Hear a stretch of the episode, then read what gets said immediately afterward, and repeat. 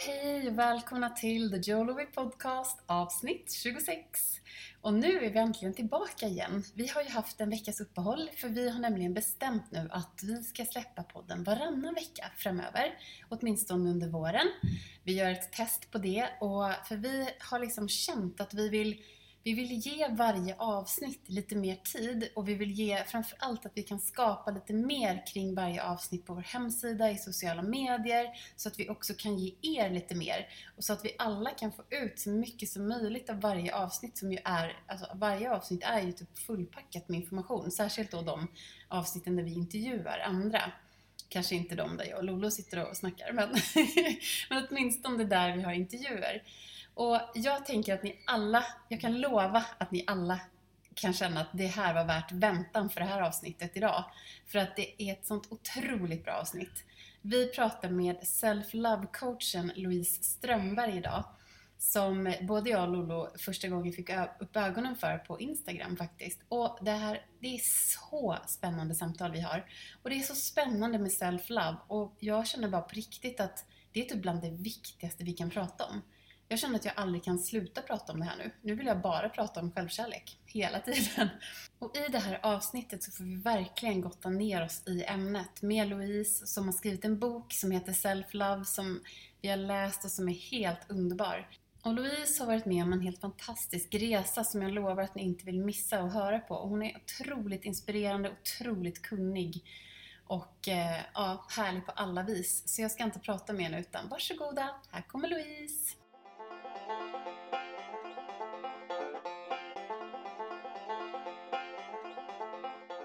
Välkommen till The Jolaway Podcast, Louise Strömberg. Tack snälla! Tack snälla, så himla kul att få vara här. Ja, det är så kul att du är här. Vi är så himla lyckliga över att vi kunde ses på riktigt också. Mm. Ja. och då är det inte bara, vi har, vi har trotsat både coronarestriktioner höll vi på att säga, och snöstormen. Mm.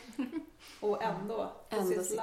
Ja, verkligen. Mm. Det är jättehärligt. Ehm, så varmt välkommen. Tack snälla, tack. Eh, och jag tror, vi jag vet inte, vi ska börja bara be dig att berätta lite om dig själv. Vem är du? Mm, absolut. Jag tänker att du, det, du har ju ett fantastiskt fint Instakonto.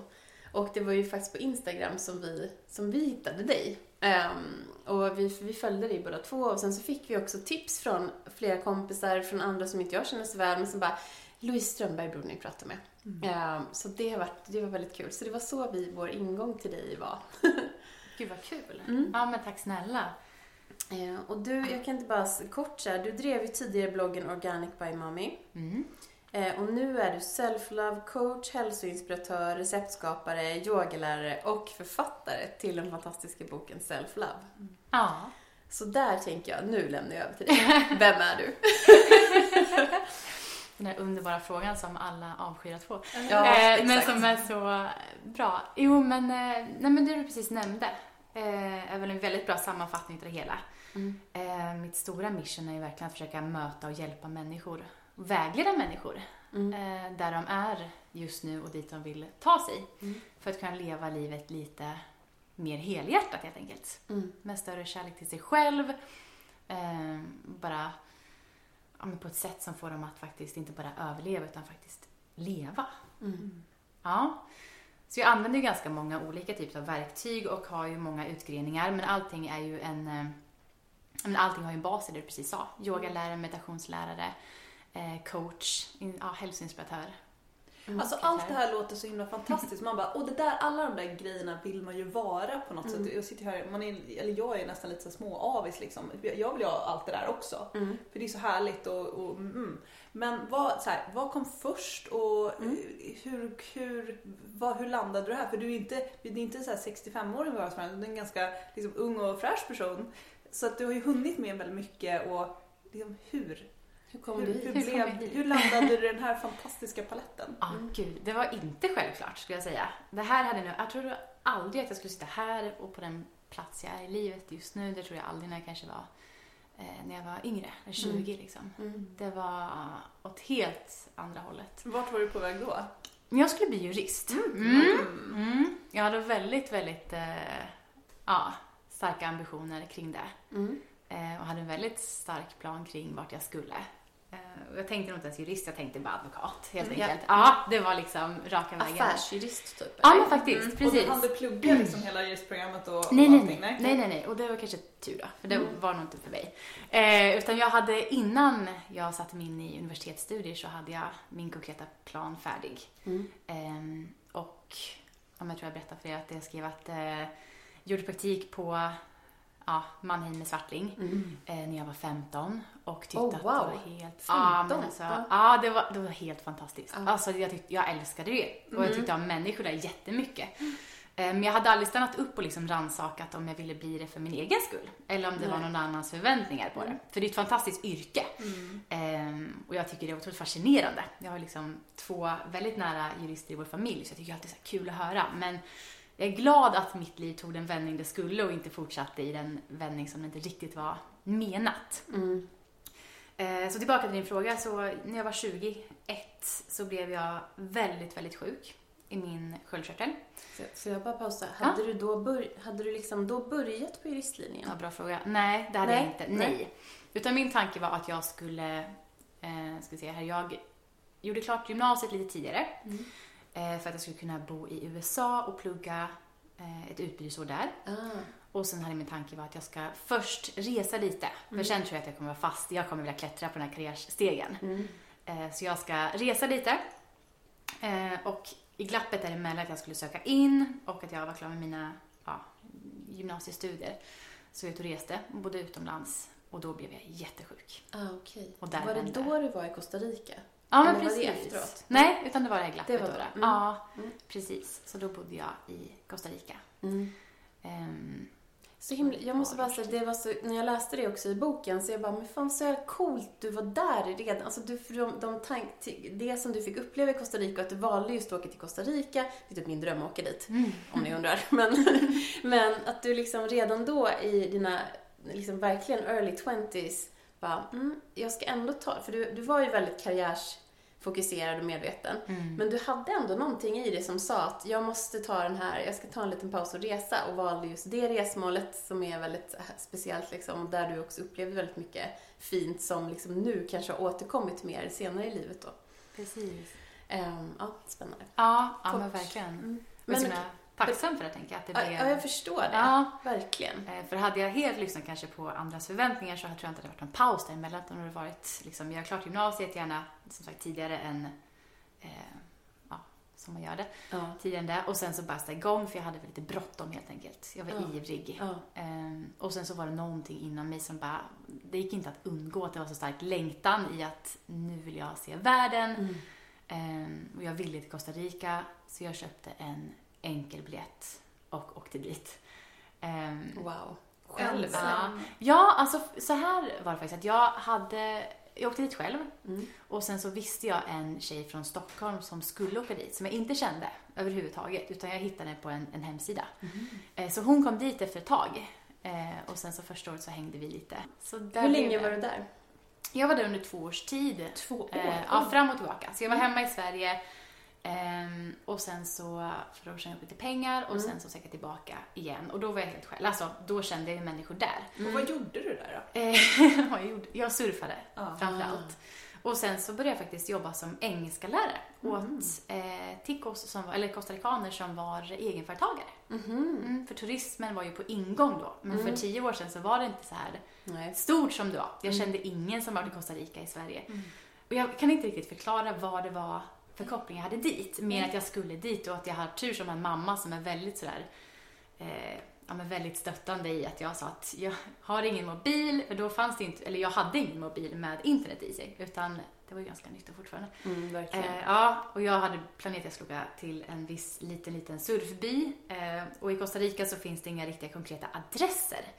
Utan ska man skicka brev så är det snarare så här, ja, ah, det gula huset jämte den röda kiosken. Mm.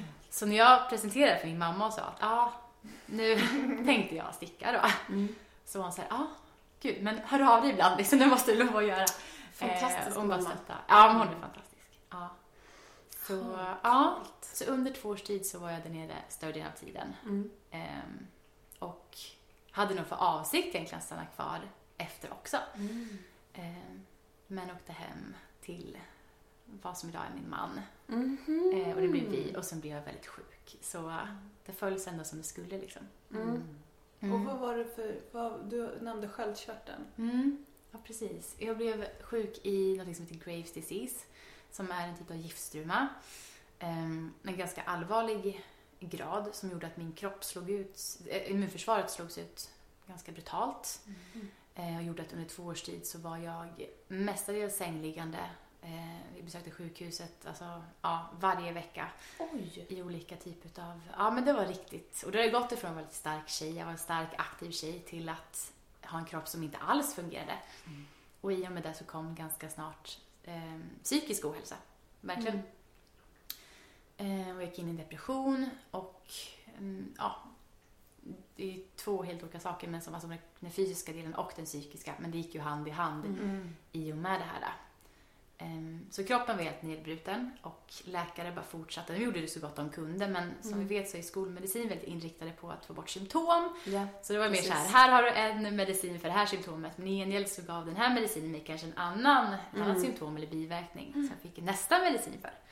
Så jag gick på väldigt mycket medicin, mm. många anti, eh, antibiotikakurer mm. och eh, med en kropp som bara mådde allt sämre och sämre och så även psykiskt. Mm. mm. Så där befann jag mig då. Och det var under två års tid? Mm. Gud, Precis. det är otroligt lång tid. Ja, det var verkligen det. Det är nästan svårt att föreställa sig för du ser ju verkligen ut som liksom, hälsan, hälsan själv, och ja. lyser och liksom sitter och glittrar nu. Både, både inifrån och liksom, eh, din fysiska kropp. Du ser liksom, det, man kan inte tänka sig att du har varit sjuk. Nej. Tack. Nej, och det är ju tur. Jag trodde ju verkligen att, att det tog slut där. Det är det som är så himla mm. Surrealistiskt idag att tänka tillbaka på. Och att det just gick att få en sån vändning i mm. livet. Mm.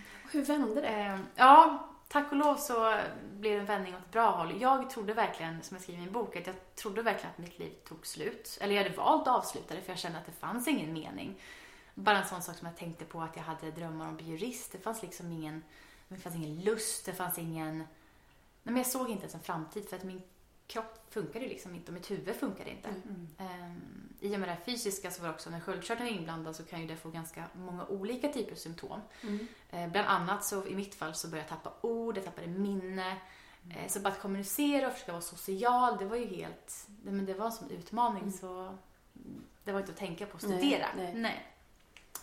Eh, men sen så satt jag där och hade jag kom till en punkt där jag kände att, och jag var väldigt öppen med det till min familj och med min sambo som är min man och jag berättade väldigt så här, jag kände ju ingenting. Alltså jag var ju så ur kontakt med mina känslor eh, och mådde så dåligt psykiskt så jag var helt öppen med dem och berättade att jag vill bara liksom förbereda er på att jag kommer inte finnas länge till.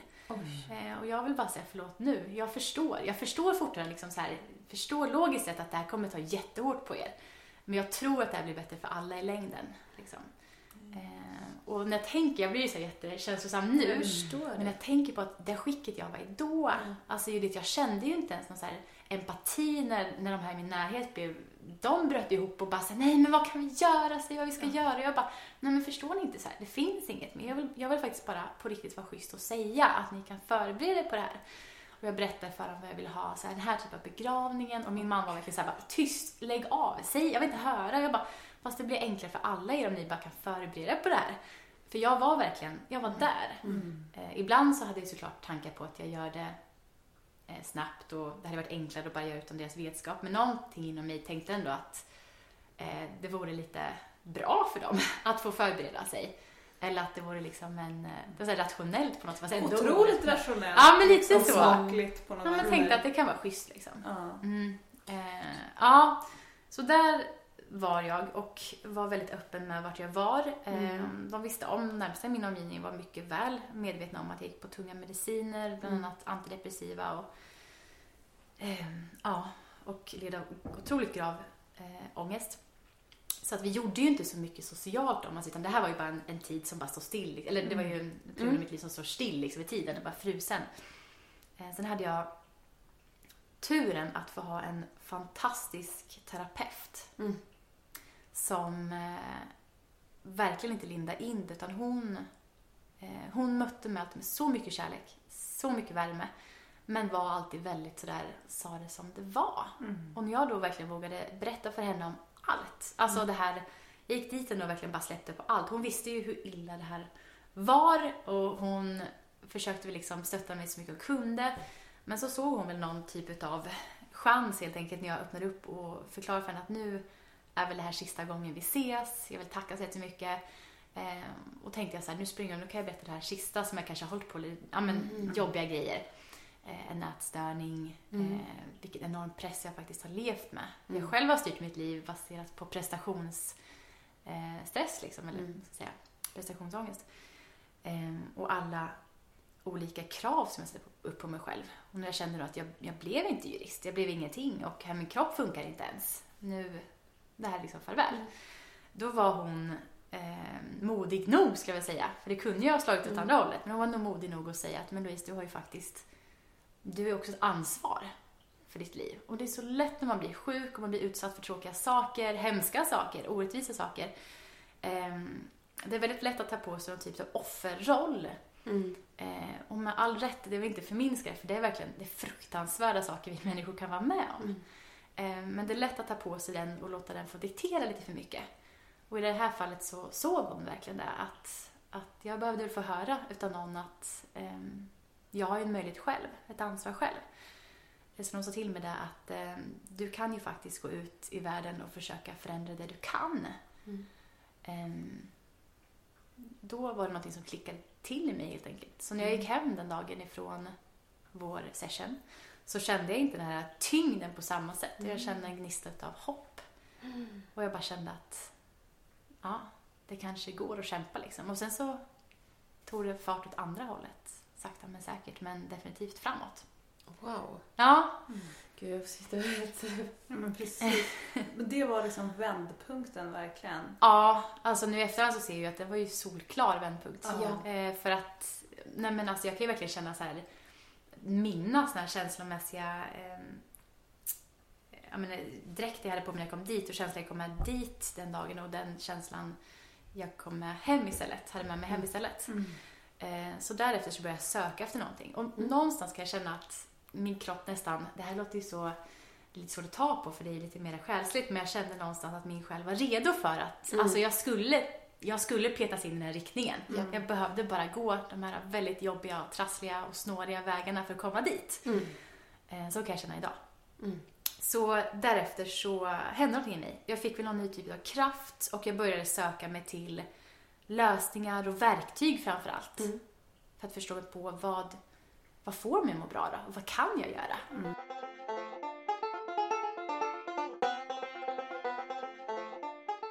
Och vad hittade du då? Eh, väldigt mycket. Mm. Ja, jag inser nu att jag blivit väldigt målmedveten. Mm. Eh, och I början så gick det jättelångsamt och jag har ju verkligen testat många vägar och jag har halkat av och jag har tagit felsteg. Men jag har verkligen vågat att också prova nytt och jag har provat att mm. våga göra om mm. eh, och fortsätta. Så från där vi var då, hos terapeuten, till där vi är idag, mm. så jag har hittat ett sätt att leva där jag känner att jag kan förhålla mig till livet mm. och mig själv på ett så himla mycket bättre sätt. Um, jag behövde liksom titta bort för alla quick fixes som vi alla tar till idag mm. uh, och förstå att ska jag skapa en förändring själv och att den ska bli hållbar, då måste jag börja liksom andra hållet. Mm. Inte titta på eh, vad, som, liksom, vad samhället anser att man ska göra för att vara lyckad. Utan vad är det egentligen som gör mig lycklig? Mm. Kan låta lite klyschigt, men det, det är verkligen klyschigt. Det, det, är verkligen så. Men det är verkligen så. Jag läste ju det när du skriver om det i boken och det är liksom, det är, det, det, det kan låta hur klyschigt som helst men det är så mm. jäkla sant och man kan inte höra det nog många gånger. Nej, det handlar precis. inte om alltså, hur lyckad du är. Det sjuka är att jag, gör jag tror lycklig. att många fortfarande skulle, när de får välja mellan att vara lyckad och lycklig, fortfarande kan välja lyckad. Mm. För att det är fortfarande så fruktansvärt mycket lättare att eh, fokusera på det som alla andra ser. Verkligen. Och att då har du den stämpeln. Men att gå omkring och säga att du är urlycklig. Du är urlycklig men alla tror att du är helt misslyckad. Alltså den är rätt svår att tugga i sig. Mm. mm. För att vi är så i vår... vår... I, I det här bekräftelsebehovet, ja, jämförelse som du också skriver så fint om. Och mm. ja, prestationsångesten bara. Mm. Ja men verkligen, det är ju ett koncept som är stenhårt mm. insålt sen vi, så mm. länge vi kan liksom aktivt förhålla oss till världen och Exakt. människor. Ja. Eh, så sen barnsben. Eh, men att börja i rätt riktning med att istället för att titta på nej men vad får mig att må bra utåt sett till att verkligen vända och tänka, men om jag börjar i rätt ända då? Mm. För det stora hela som jag förstod där och då, ska jag också mm. tilläggas, det var ju att jag tänkte hela tiden att om jag bara får det här, om jag bara gör det här, om jag bara liksom går ner de här kilorna eller om jag skaffar mig den utbildningen, allt det här, eh, om jag kunde lägga till det här i mitt liv, om jag bara, då, då blir jag lycklig liksom. Då mår jag bra, då kommer jag älska mig själv. Mm. Och hon stannade i mig där i den meningen och bara, men nu sa du någonting viktigt liksom. Jag bara, vadå? Då, då blir jag lycklig. Nej, då kommer du älska dig själv. Vad gör dig så säker på att du då kommer älska dig själv? Mm. Och det är ju också där, vi är så vana vid att när vi får alla de här sakerna, eller tankesättet så här, om vi bara lyckas med det här, om vi bara lyckas med det här. Mm. Då, då tror vi att vi vet hur vi kommer känna. Vi har ingen aning. Vad är det som kommer att förändrat inom dig då? Eller med relationen med dig själv? Då tänkte jag bara så här, där klickar jag också till det här med att mm. okej, okay, men om jag vänder på det då? Hur kan jag älska mig själv utan de här sakerna? Exakt. Och sen kanske se om livet kanske ger mig det här ändå, eller någonting helt annat. Mm. Men i rätt riktning. Mm. Så som sagt, jag skippade alla de här quick fixes och mm. började gräva i någonting djupare. Mm. Och jag började jobba på relationen till mig själv. Mm. Och under den här tiden, var du då fortfarande så sjuk? Jag tänker, för det, för det här var medans under de här, den här sjukdomstiden. Precis. Och hur, för jag är så nyfiken på hur det här då själsliga läkandet kunde bidra till din kroppsliga läkning. Mm. Jättebra fråga, för allt, är ju så här, allt hänger ju ihop. Mm, ja. eh, men rent, om vi säger så här, det fysiska med min kropp som faktiskt kom tillbaka igen, vilket jag inte trodde då att den skulle någonsin kunna göra mm. i det skick det var. Eh, jag fick någon typ av kraft när jag förstod att jag kanske skulle kunna hitta någonting annat som motiverar mig än, än rädsla, vilket de flesta mm. kanske drivs av. Ja. Eh, jag vill motiveras av lust, längtan och kärlek. Eh, så jag började liksom söka efter verktyg till att tycka om mig själv mer som person. Och när jag gjorde det och lyckades komma lite längre på vägen, hela tiden lite till, eh, så började jag förstå att jag, då var det så mycket enklare att göra de här fysiska förändringarna som mm. vi alla egentligen vet idag att vi behöver. Vi mm. vet att vi behöver äta bättre, sova mer, stressa mindre. Alltså, mm. vi vet ju det. Ja. Det är inte som att vi liksom har bott under en sten. Nej. Det är mer bara att hur, hur kan vi applicera det i längden? Mm. Um, och det var där som var den stora skiftningen för mig, eller faktiskt att det gick att skapa en typ av hållbarhet var att jag först började jobba på relation till mig själv. Då yogan kom in i bilden. Mm. Eh, och jag mötte mig själv. Och allt det som var jobbigt, allt det som vi knuffade undan. Och när jag gjorde det och började liksom känna att, men gud, jag hittade ett värde i, i mig själv. Utan alla externa saker och allting jag tänker att när det här kommer, när det här kommer. Utan, utan det, bortsett från det. I varje kärnan så började jag tycka om mig själv. Eh, då gick det ju även att göra en fysisk förändring med mm mat som jag alltid tyckt var svårt att få till innan. Eh, så min kropp började då eh, må så mycket bättre. För då gjorde jag så här superstor hälsoförändring med mat och kost och mm. lyckades läka kroppen med det och yoga. Oh, wow. eh, nu känner jag kommer allt så här huller om buller, men det är verkligen en mm. resa. Alltså, livet är ju inte som man tänker att oh, man börjar här och så Det är inte liksom, krullor. Det är så är det ja, Nej, ja, ja, precis.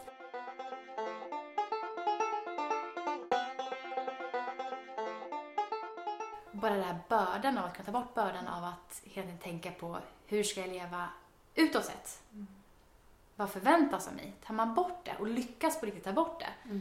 det blir som att liksom själen bara andas ut. Mm. Och helt plötsligt hittar man så här, styrka eh, och som du säger, ett lugn mm. till att kunna få till de andra delarna. Och de här kostförändringarna du gjorde, var det, för det finns ju massa olika jag menar, det finns ju kost för till exempel att läka sköldkörteln. Mm. Uh, hoppade du på något sånt liksom, specifikt program eller var det intuitivt uh, eller var det liksom mer generellt uh, sökande till liksom, mer näringsboostande mat? Mm. Alltså, jag var i så dåligt skick när jag var sjuk mm. så att läkarna fick ta bort min sköldkörtel akut. Oj. och efter det så var det väldigt svårt att ställa in de här hormonerna som man får ta i medicinform, om man säger tablettform. Mm. Så du har tagit bort din? Ja, precis. Så den är helt borta. Mm. Och i och med det kan man ju heller inte jobba med att kunna läka upp den. Nej, nej. Eh, och jag hade ingen aning om att man kunde påverka själv. Eh, så att när jag var i det här dåliga skicket, hade fått eh, den här inputen av min terapeut och själv började jobba själsligt och psykiskt, så gick jag även till en, för då var jag helt plötsligt öppen på ett annat sätt. Ja, jag precis. sökte mm. mig ju till liksom någon som kunde vägleda. Mm. Eh, då var det faktiskt min mormor som hade, fantastisk kvinna, hon, eh, hon hade en, ett tips om en alternativ en, en kvinna, zonterapeut, som jobbar Mm. inom alternativmedicin. Mm. Och det var väldigt långt borta för mig då. Mm. Alltså väldigt långt. Jag tänkte att nej men jag är läkarnas händer. Kan inte de klara det här, då kan ingen. Liksom. Och när jag träffade den här kvinnan så gav hon mig otroligt fina eh, råd kring hur jag kunde börja äta bättre. Och vid den här tidpunkten tänkte jag bara så här, men mat, när det kommer till hälsa, det handlar väl om kalorier, det handlar väl om kroppsvikt eller vad, vad då liksom? Och hon bara, Mm. nej men det här är ju, det handlar ju istället om, om näring kanske då. Verkligen. Så hon fick mig att börja äta, alltså jag, jag var ju så öppen för det här då. Så jag lyssnade fullt på vad hon sa. Det här med Mm. att ta bort socker, ta bort, eh, i mitt fall var det gluten och mjölk. Mm. Eh, mycket mer grönsaker. Alltså jag avskydde grönsaker för Mm. jag åt ju knappt isbergssallad. Ehm, men jag var så öppen för det. Eh, så jag lyssnade och i samklang med att jag började äta så och att jag började jobba det psykiskt om man säger så ehm, ja, började jag må väldigt mycket bättre. Så det är inget speciellt specifikt program utan snarare, Nej. bara, snarare stötta upp kroppen med så Mm. mycket näring som möjligt. Mm. Alltså grönsaker framför allt. Mm. Det gjorde jättestor skillnad för mig. Mm. Och på bara en månad då, så minns jag, eh, på en månad så, ja, dels så var det som att kroppen bara så här, jag, det kan man kanske inte tro idag, men jag vägde typ 25-30 kilo mer än vad jag gör idag. Eh, och jag var ju så van att tänka att det är så här jag ser ut. Mm. Jag hade en jättetung kropp och verkligen kände jag orkade ju ingenting. Eh, och jag var ju sjuk, men jag visste inte vad som var jag och min naturliga liksom, kropp. Så jag bara tänkte att det här, det är så här jag ser ut. Eh, men vid den här tidpunkten när jag började äta bra så gjorde jag det inte längre för att jag hade inte en tanke på att det skulle förändra hur jag såg ut. Utan jag gjorde det verkligen då utav lust och längtan för att må bra. Mm. Eh, så jag plötsligt bara gjorde kroppen så av med det här. Det gick en månad så började liksom bara, ja, det försvann mer och mer från min kropp och min kropp hittade en styrka. Jag älskar den här beskrivningen av hur du liksom totalt bytte det här fokuset för att Ja. eh, just med, du har ju nämnt där bara i förbifarten ätstörningar och Mm. det är någonting som nästan alla kvinnor man känner har någon form av släng av under någon del av sitt liv. Milt eller liksom allvarligt, vilket är så otroligt Det är otroligt hemskt. sorgligt. Men det är Mm. liksom tyvärr så det ser ut Verkligen. idag. Ehm, och då är det så fint när kosten kan bli någonting som, och maten, någonting som man gör verkligen av självkärlek och för att, Mm. igen, av lust och längtan och inte av Jag ska gå ner i piska sig. eller- Alltså Mm. fokuset bara skiftar och det är också så coolt att det är då liksom det blir magiskt. Mm. Ja men verkligen, och att kroppen svarade så Exakt. snabbt också. Ja. Jag var ju helt så här förbluffad. Jag tror att jag också gick in med att jag tänkte att jag hade ingen förväntning mer än att bara jag är öppen för det här. Mm. Jag vill må bra. Jag provar det här. Jag förstår någonstans att gröns jag vet ju att grönsaker är bra. Okej. Eh, och helt plötsligt drogs, alltså jag, jag drevs ju inte utav en motiverande tanke att jag skulle som sagt gå ner i vikt. Det var ju ingenting som var Du var väl liksom det. förbi det? Ja men jag var det. Ja. Jag var verkligen förbi. Alltså jag var, var ju, ville ju åt något helt annat. Mm. Och då svarar kroppen med att gå ner till en, ja, jag är inte så mycket för att prata om vikt, men det är en ganska viktig punkt ändå när det kommer till att, att Mm. kroppen mådde så mycket bättre. Den la sig liksom, dels gick den tillbaka till det, jag behövde heller inte ha lika mycket medicin, jag kunde liksom mer än halvera Men det är här så coolt att de där grejerna går hand i hand. Mm. Ja, precis, ja verkligen. Så mina hormoner som jag aldrig kommer kunna ta bort eftersom jag inte har sköldkörtel, Ja, precis. eh, de kunde liksom halveras så att det var, nej mer, det kanske var, det bara fjärdedels kvar idag av vad jag då hade då. Ja, wow. Eh, och resterande mediciner som var faktiskt 20 stycken vid tidpunkten, de kunde jag bara ta bort. Eh, och jag hade inte kvar någon hjärtklappning, jag hade inte kvar någon så här super, super tung ångest. Ehm, Hur, hur, hur, liksom, hur lång tid tog det till att du kunde ta bort de här 20 medicinerna? det gick ganska fort. Det är det Mm. som är så himla eh, intressant. Ja. Alltså så att en månad, efter en månad så började jag märka jätte, så här, väsentlig skillnad Mm. på min kropp. Och efter ett par månader så plockade vi bort de här medicinerna och jag mådde ju bra. Det måste ha varit en sån fantastisk känsla att liksom kunna lita på att kroppen liksom läker och klarar det här. Ja, ja verkligen. Hur kände du dig då? Nej men då var, då var jag, tänkte säga en helt annan människa, men då var jag den jag skulle vara.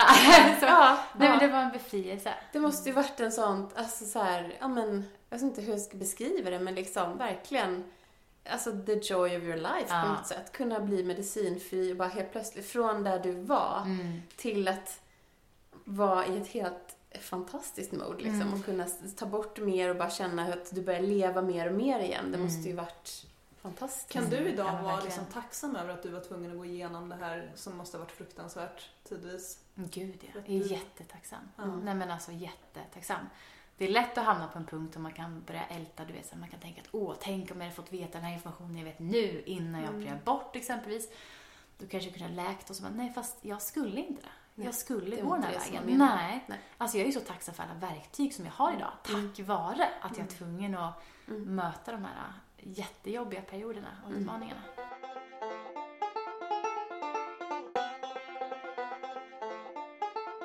Och var det då sen du började också blogga kring, var det där i kosten som bloggandet började eller var mm. det? Mm. Mm, precis, jag har faktiskt alltid jag älskar att skriva. Så jag har ju mm. skrivit och bloggat under liksom tider i mitt liv, från mm. kanske jag var egentligen 14. Mm. Men när det var så specifikt, jag kände att nej, men det, här, det här skulle vara kul att dela med sig om, mm. av. Eh, så var det just det här med mat. Då vi cirka tillbaka, sex år tillbaka i tiden. Eh, från där vi är nu. Och då började jag dela med mig av recept som jag insåg att det fanns inte så himla mycket härliga, goda, glutenfria, sockerfria mm. Recept där ute. Eller näringstäta framförallt recept där ute som var goda. Mm. Utan nyttig mat var ganska nära förknippad med tråkig mm. mat om jag ska vara ärlig. Tyckte jag. Eh, så jag började lägga ut lite recept och det tog snabbt fart för det visade sig att det var många som sökte det som jag mm. faktiskt hade att erbjuda. Eller det som jag själv hade funnit. Mm. Och hade du, experimenterade du liksom fram goda grejer själv eller? Ja, ja. Mm. till absolut största del just för att det inte fanns. Jag minns att när jag började äta sådär super, då till super eh, strikt. Och det just var ju syftet att mm. läka min kropp. Så mm. det är inte mm. som att det är lätt för folk att tänka att oh, jag ska också äta sådär bara mm. för sakens skull. Mm. Det är inte alltid det bästa. Men för Nej. mig var det för att jag var i ett stadie där min kropp var den, alltså akut behovet av så mycket näring som möjligt. Eh, så då minns jag så väl att jag ville göra, liksom, jag saknade efterrätter och grejer.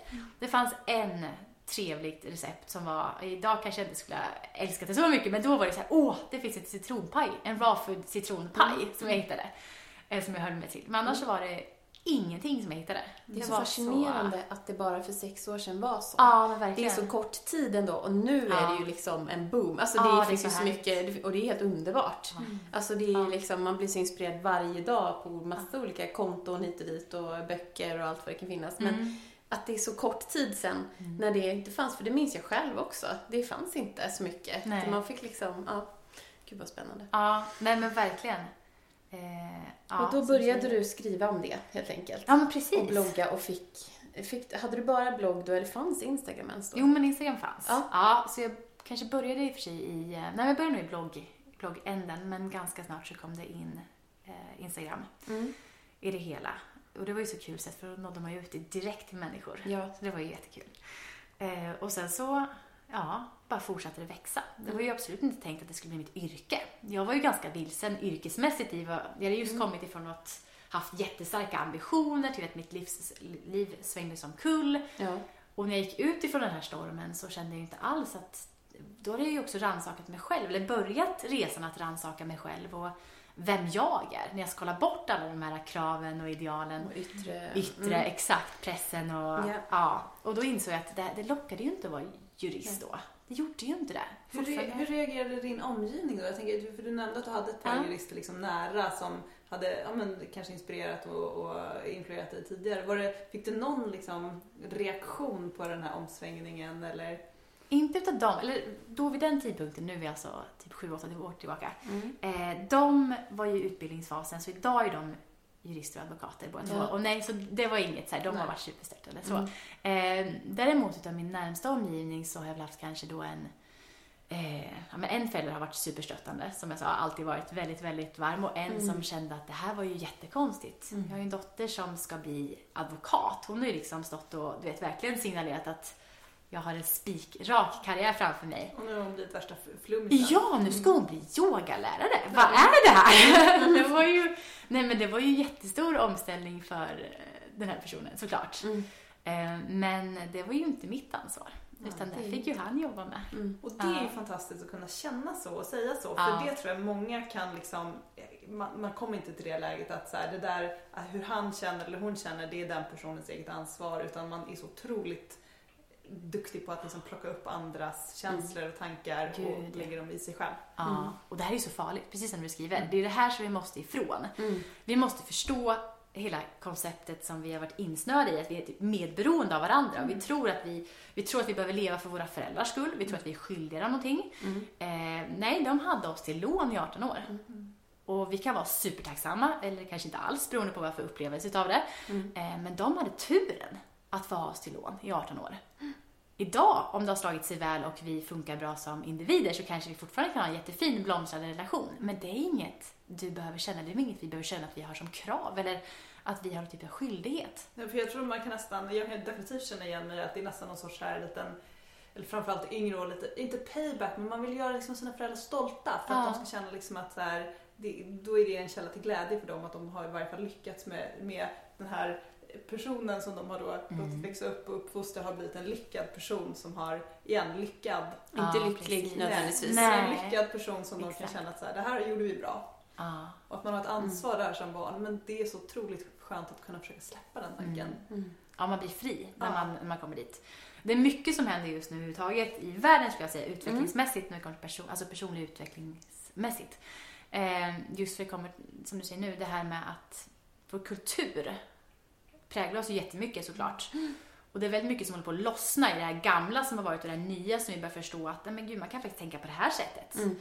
Förut så var det ju jätte, jätte, jätte präglat på dig som barn, på oss som barn, att vi skulle göra våra föräldrar stolta. Vi kanske mm. skulle gå den väg som de har banat ut för oss. Mm. Vi var skyldiga dem någonting. Idag vet vi att, eller vet, det, man kan välja att leva så, man behöver inte leva mm. på det sättet. Där man kan faktiskt vara sin egen individ och många inser att oj, helt plötsligt så mår jag väldigt mycket bättre. Mm. Ja. Så uh, det var spännande att få de reaktionerna, men det var också en del av min här, utveckling, att få mm. möta det, mm. få lära mig hantera det. Mm. För det var ganska så här, som, ja, som du märker, ganska stora kontraster. Och hur var det nu? För att visst, när du åkte hem från Costa Rica, då sa du att du hade träffat din, din blivande man som mm. du nu är gift med. Var han med under hela den här resan eller kom mm. han in? Ja. Mm. För för honom, han måste ju liksom ha lärt känna en person som sen genomgick en massa olika saker och sen kom ut liksom lite grann på andra sidan som mm. delvis en annan person. Mm. mm. Alltså Simon och jag har känt varandra sedan jag var 14 år gamla. Wow. Ja, så att han har ju varit med sedan jag var, sedan vi var barn helt enkelt. Ja. Eh, och då var vi vänner. Så vi har varit vänner under alla de här åren. Så han visste nog eh, han, han visste vem jag var när jag inte var sjuk. Mm. Och det är en ganska härlig känsla. Mm. Eh, han visste att det fanns en sprallig person bakom det här nedtyngda eh, sjukdomstillståndet. Eh, men absolut, han har ju varit med under hela den här, det är ju en jättestor så här, tillväxttid ja, eller man ska mm, säga. Verkligen. Det händer väldigt mycket på väldigt kort tid om man ser ja. till, om man jämför med många andras kanske mm. utveckling så eller resor. Eh, men han har alltid varit så otroligt varm och ödmjuk mm. i, ja men aldrig något ifrågasättande utan när jag sa att jag ska bli yogalärare, jag ska inte bli mm. jurist. Klart du ska det. Mm. Klart du ska. Vad härligt. Mm. Gud vad fantastiskt. Ja men verkligen. Han måste ju också blivit så lycklig när han såg att det började vända för dig. Ja. Alltså, han måste ju, ja nu börjar jag bli helt rörd här när jag tänker på det. Men gud vad, det måste ju varit helt, från ja. att du hade sagt i princip hej då ja. till att han såg att det började vända så bara... Mm. Verkligen. Mm. Ja, det var en fin resa som vi är jätteglada att vi har tagit oss ur. Verkligen. Mm. Man blir ju verkligen stark tillsammans oh, Gud. Eh, av att få genomgå något sånt såklart. Mm. mm.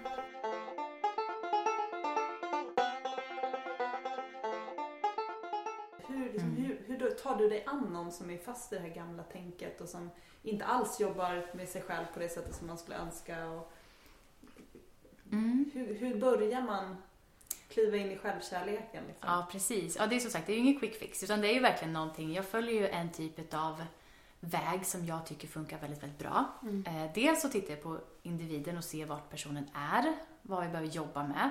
Sen finns det ju vissa generella steg som jag alltid applicerar, det vill säga jag tittar på en nulägesanalys.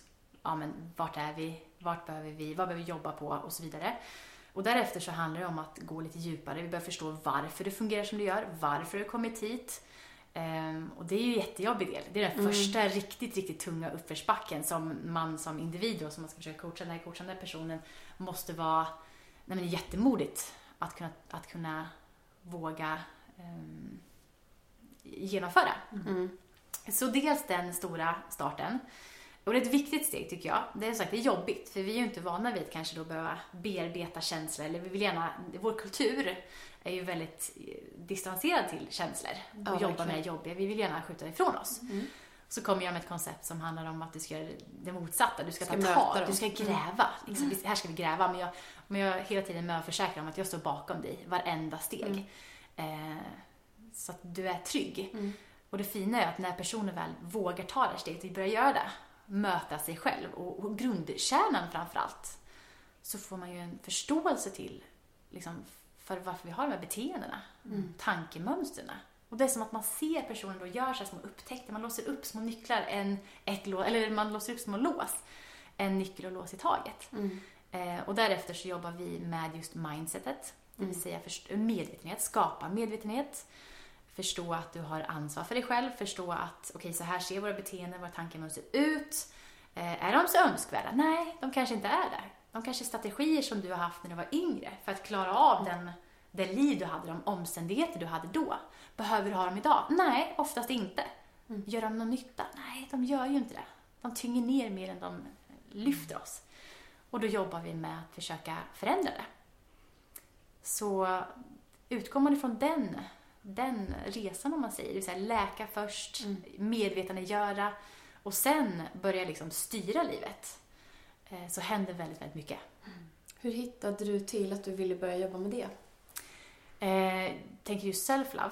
Ja, men self-love och coachningen. Mm. Alltså, yoga, det började ju som med yogan. Jag ja. insåg ju snabbt att yogan var en jätteviktig del i min läkningsprocess.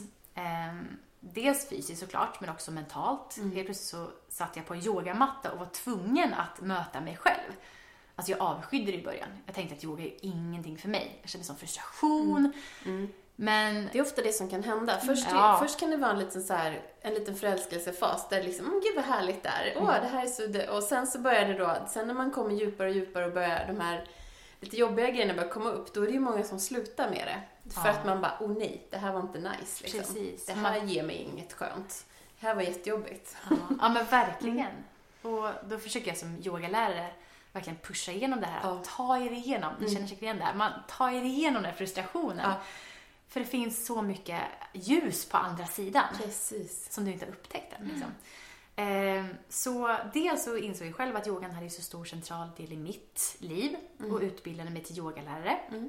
Vilken yogaform är det? Är det yin-yoga framförallt? Nej, alltså Nej. min grund är faktiskt vinyasa. Mm. Mm. Men sen så har jag gått mycket mer mot yin mm. och älskar kombinationen utav dem. Mm. Och få med både yin och yang. Mm. Eh, så på den vägen så var det väl lite mer att man ville, att jag ville jobba med människor helt enkelt och få möta människor. Och insåg snabbt också att jag älskade mötet mm. som jag fick göra på yogamattan, men jag vill göra lite mer konkretiserat. Jag vill liksom hjälpa till lite djupare. Mm. Hur kan jag guida ännu bättre? Och så följde det sig steg för steg. Jag började ha retreats. Mm. Eh, och då började vi ha som gruppcoachningssessions. Mm. Och jag insåg att gud, jag, jag berör verkligen människor. Mm. Eller jag hjälper människor att hjälpa sig själva. Jag har, ja. jag har verktyg att erbjuda och de här människorna som kommer hit och är modiga att våga, de gör ju världens jobb. Och jag får vara en, en del utav det här. Det är ju det är bland det finaste jag varit med om. Um, och sen så har det ja, fallit sig ganska naturligt. Jag bor ju en del på Bali och på Bali så det är ett hälso Mecka. Jag vet inte, har ni varit ja. där? Jag varit där, men jag, det är min dröm att åka dit också. Ja, ja jag tror ni skulle älska det. Ja. Men, du har varit... Jag har varit en del på Bali. Ja, mm. ja, men du kanske vet att det är verkligen att det drar ju till sig väldigt mycket hälso verkligen. och intressanta människor. Mm. Människor som... Mycket så spiritual. Ja, gud ja. ja. I alla olika former. Mm. Och det finns mycket att hämta hem på Bali. Mm. Eh, så dels så började jag själva möta människor som berörde mig djupt. Mm. Och sen så började jag själv vidareutveckla och utbilda mig inom de här utgreningarna. Yeah. Och insåg att self-love, det är ju verkligen, det är grunden till allt. Mm. Alltså alla kan behöva jobba med self-love, oh, anser jag. Ja. Mm. Och vad du än vill förändra eller förbättra eller hur vill du än vill må så tror jag att eh, mer eller mindre ett inslag av self-love i många fall behöver vi verkligen liksom ha det i vårt liv så kan det göra världens skillnad. Mm. Ja. Vilka utb- alltså, hur hittade du liksom, vilka utbildningar du ville gå och sådär? Ja, det var nog att jag hittade lärarna först och främst. Ja, det hittade du jag, gjorde så först. Ja, jag väljer gärna utbildning efter lärare. Ja. Eh, så dels så är jag en supernörd som älskar att läsa och mm. ta in information och kunskap. Så att jag hittade mina lärare. Mm. Eh, dels åkte jag och till exempel yogade för dem innan och ja. sen så insåg jag att gud, det här, henne vill jag ledas utav. Henne mm. vill jag ja, men jag vill ha hennes kunskap. Det här är fantastiskt mm. och hon delar med sig av den. Så då har jag valt mina, kund, eller mina Dina utbildningar. Lärare, efter, efter, ja, ja efter, efter fantastiska lärare. Mm. Mm. Det tror jag är väldigt smart och väldigt bra, alltså rent eh, så. Ja. Jag, har också, jag har också gjort det ibland och ibland inte. Ja. Och det är skillnad faktiskt. Ja. För det är ju, handlar ju väldigt mycket om att du ska connecta med den personen. Ja. Alltså att man har någon slags, det finns någon slags resonans mm. där. Um, det Precis. behöver ju finnas det. För, ja, att man, för att det ska bli riktigt bra tror jag. Ja. Ja, det tror jag med. Det är ju också ett, an, ett väldigt annat, egentligen motsatsen till hur det klassiska, lite konservativa, du ska mm. nå den här utbildningen, checka den här boxen mm. mm. för att få det här typ diplomet eller certifikatet. Mm. Och egentligen hur du tar dig dit och vad du egentligen lär dig och vem som inspirerar dig är mindre viktigt liksom, mm. längs vägen. Ja. Det är ju ganska härligt uppfriskande sätt att se på det. Ja, mm. ja men precis. Och on that note, när, när du jobbar med, med dina klienter och även de som du har liksom träffat under vägen, mm. ser du att det är liksom en stor generations, ett, liksom ett generationsskifte i det här eller har du äldre personer som kommer till dig också? Det känns som att, det är rätt med mig fel, men som att vår föräldrageneration är lite mer så här, ah, man ska inte hålla på och fundera så mycket och, och du vet, eh, så. Ja. Visst är det så. De är ju jättepräglade, alltså om man ska, general, mm. om man ska generalisera. Mm. Så ju äldre ålderskategori, desto större motvilja kanske mm. att, att möta sig själv. Mm. Är de liksom svårare eh. än nötter att knäcka? Ja, för de är inlärda med att man ska inte känna. Man ska, inte, man, man ska inte tänka, man, man gör som man blir tillsagd, man gör som man förväntas. Mm. Men det, när jag skulle säga så att de flesta absolut är väl yngre, de är mm. våra åldrar. Eh, men det finns nej, alltså jag möter människor i alla åldrar också. Mm. Så att även om det är färre kanske så finns det väldigt många jag mött som är men kanske så här, kan det vara så här 40 år eller mig i alla fall, absolut. Wow. Mer. Mm. Eh, jättemodiga. Det handlar bara om att du ska komma mm. någon, till en punkt i livet där du känner att jag behöver hitta något annat och söka mm. något annat och våga byta sig ur. Mm. Men är det typiskt sett människor som har liksom nått någon form av botten liksom, i sitt mående som bara såhär, nu får det vara nog. Nu, nu vill jag inte vara här mm. nere längre. Det är väldigt många så ja. Mm. Mm. Och det som jag har förstått nu eh, när jag jobbar med det är att många mår väldigt, väldigt dåligt. Mm. Alltså vi vet ju idag lite kollektivt att, att det, många mår dåligt psykiskt och fysiskt, men att det är så många mm. och på så många plan. Mm. Det är lätt att få en bild av att det kanske inte är så illa, men jag tycker faktiskt att det är det. Mm. Det, är, det finns mycket som vi behöver jobba med. Och nu kommer ju som sagt det här nya, den här tiden kommer med så mycket möjlighet att faktiskt få möta det vi har burit på. Som mm. förut kanske har varit lite nedtystat och de gamla äldre generationerna kanske inte har uppmuntrat så mycket till att vi ska grotta mm. i det här. Eh, men det finns en större typ av eh, uppmuntran då, ska jag säga. Det ja, ganska... det gör det. Och det är ju helt underbart ja. att vi går mot det. Och att även liksom, alltså man märker ändå att yngre, de har det här mycket tidigare. Mm. Det här mindsetet att liksom, vadå, det är väl inget fel? Ja, det är väl inget fel att prata om det här? Nej, det är klart att vi ska prata om liksom, att vi mår psykiskt dåligt. Eller att nu fick jag en, gud jag fick en ångestattack igår.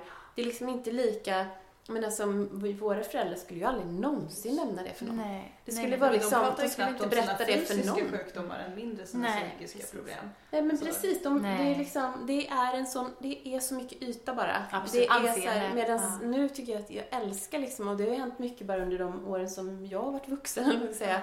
Jag tycker inte det var alls så här, jag menar, när jag var 20 typ, då var det inte heller så vanligt att, folk, att vi pratade ens mellan oss kompisar om att Alltså jag kommer ihåg att jag hade någon så här panikångestattack när jag var 20 och jag visste inte ens riktigt vad det var då. Mm. Eh, och jag kommer ihåg att jag fick rådet av min mamma liksom att Ja men du, ja men när jag mår lite så dåligt, när jag får lite så, då, då går jag ut, bara går en promenad, sen, så är, sen går det över.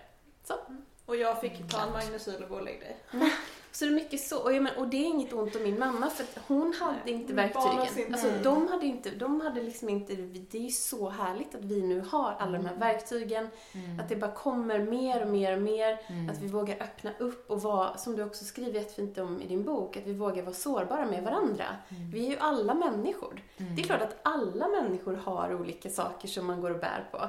Det är väl ingen som går runt och Nej. bara Jag är helt perfekt. Allt är bara topp hela tiden. Nej. Men alltså det leder oss faktiskt in lite snyggt på, på det här med sociala medier och Insta och Facebook och allt vad det är. Mm. För man, vi ger ju det ganska mycket skit. Både, men man kan verkligen se det som två sidor av samma mynt. Att dels har vi hela den här jämförelsesjukan som nu du skriver så mycket om också. Mm. Och att vi får ännu värre prestationskrav på oss själva mm. för vi mm. jämför oss på alla andras flöden ser så perfekta ut och vi liksom kan inte baka alls lika fina råbollar eller ha lika snyggt hemma eller åka på fina semestrar och våra barn ser ut som hej kom hjälp liksom.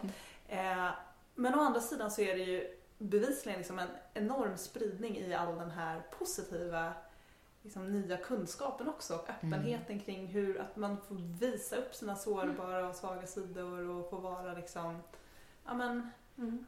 Och det tror jag man glömmer bort ibland. För att det är så lätt att klanka ner på det mm. som att det bara blir en jämförelse. Och... Mm. Upplever du det också så? Absolut. Men jag tänker lite att det går hand i hand. Mm. Att har vi en sundare relation med oss själva så kan vi förhålla oss till andra på ett större, bättre sätt. Mm, mm tänker jag. Eh, då kan vi ta in och förstå att det här är bara fragment mm. av deras uppvisade, vad de väljer att visa upp. Och vi kan ha en ganska sund approach till det. Mm. Eh, det här är så fint, det går ju verkligen hand i hand med också vad vi precis har pratat om, men det du sa att, mm. att våra föräldrar och, eller generationer, de, för deras största fokus var ju verkligen alltså anseendet. Mm. Hur andra ska uppfatta mig. Det var så mycket fokus. Eh, och man var väldigt, väldigt, ensam i sin upplevelse. Som du sa med din mamma, eller säkert båda era mammor, att deras upplevelse av ångest, det fick de hantera i sin ensamhet såklart. Och mm. försökte då möta dig med sitt råd efter vad hon hade kommit på. Mm. Men idag behöver vi inte vara så ensamma för det finns så mycket möjlighet att faktiskt kunna vara sårbar och det finns en större öppenhet. Kan vi då ha, eh, bygga på relationen till oss själva så kan vi förhålla oss till sociala medier på ett annat sätt. Men är vi tvärtom, är vi kvar lite i den här, alltså vad ska man säga, den här äldre fasen av att vi är väldigt mycket med just anseende, mm. då blir det svårt med sociala medier. Mm. För då är vi ensamma i vår upplevelse och då uppfattar vi bara det vi får se som att det här är den enda liksom som, det här upplever alla andra. Men jag sitter här och upplever det här. Mm. Men kan vi öppna upp eh, så kan man också förhålla sig tror jag till sociala medier, sociala medier mm. på ett annat sätt. Ja, och snarare då se det som kanske en inspirationskälla än en jämförelse. Absolut. Mm. Ja, verkligen. Jag tänker bara på vad min man sa bara häromdagen. Eh, vi, har, vi har en treåring och en femåring och eh, vi håller på att försöka lära dem åka skidor och eh, har lite överlag liksom, lite, lite jox med vår femåring. Han är inne i en fas.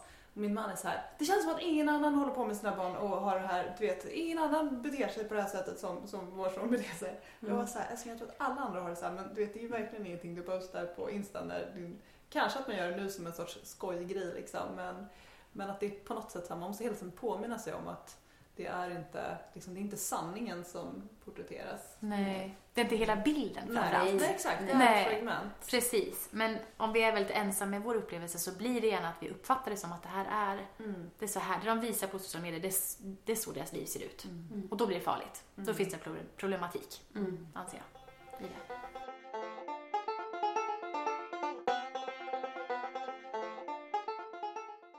Ju båda två läst din bok och jag tycker att du beskriver det, det är så fint för att det är som en resa som man, man, man tar när man, när man liksom börjar läsa den. Och, för du börjar ju också prata om det här med just att man ska börja titta inåt och eh, släppa fram det som är jobbigt och bön. Och vad, vad liksom, hur, kan du inte berätta lite, vad händer sen när vi har gjort det?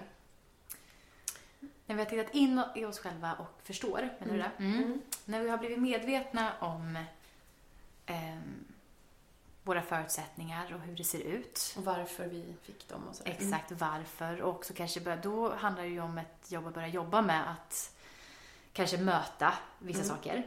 Det vill säga att kanske då mm, konfrontera människor framförallt mm. i vår närhet som har gjort saker eller gör saker som vi inte mår bra utav. Mm. Eh, så det handlar om att kanske förändra sin tillvaro kan man väl säga. Genom att göra så. Mm. Och sen att börja ta kommandot över vilken vilken riktning vill jag leva mitt liv? Mm. Så precis som du säger, det är en resa verkligen att dels först våga titta i bagaget, möta sig själv, konfrontera och sen ta ansvar och börja styra. Mm. Ja. En sak som jag tänkte mycket på som var, är det här med känslan av tillhörighet och sen också relationer. Mm. Hur viktigt det också är.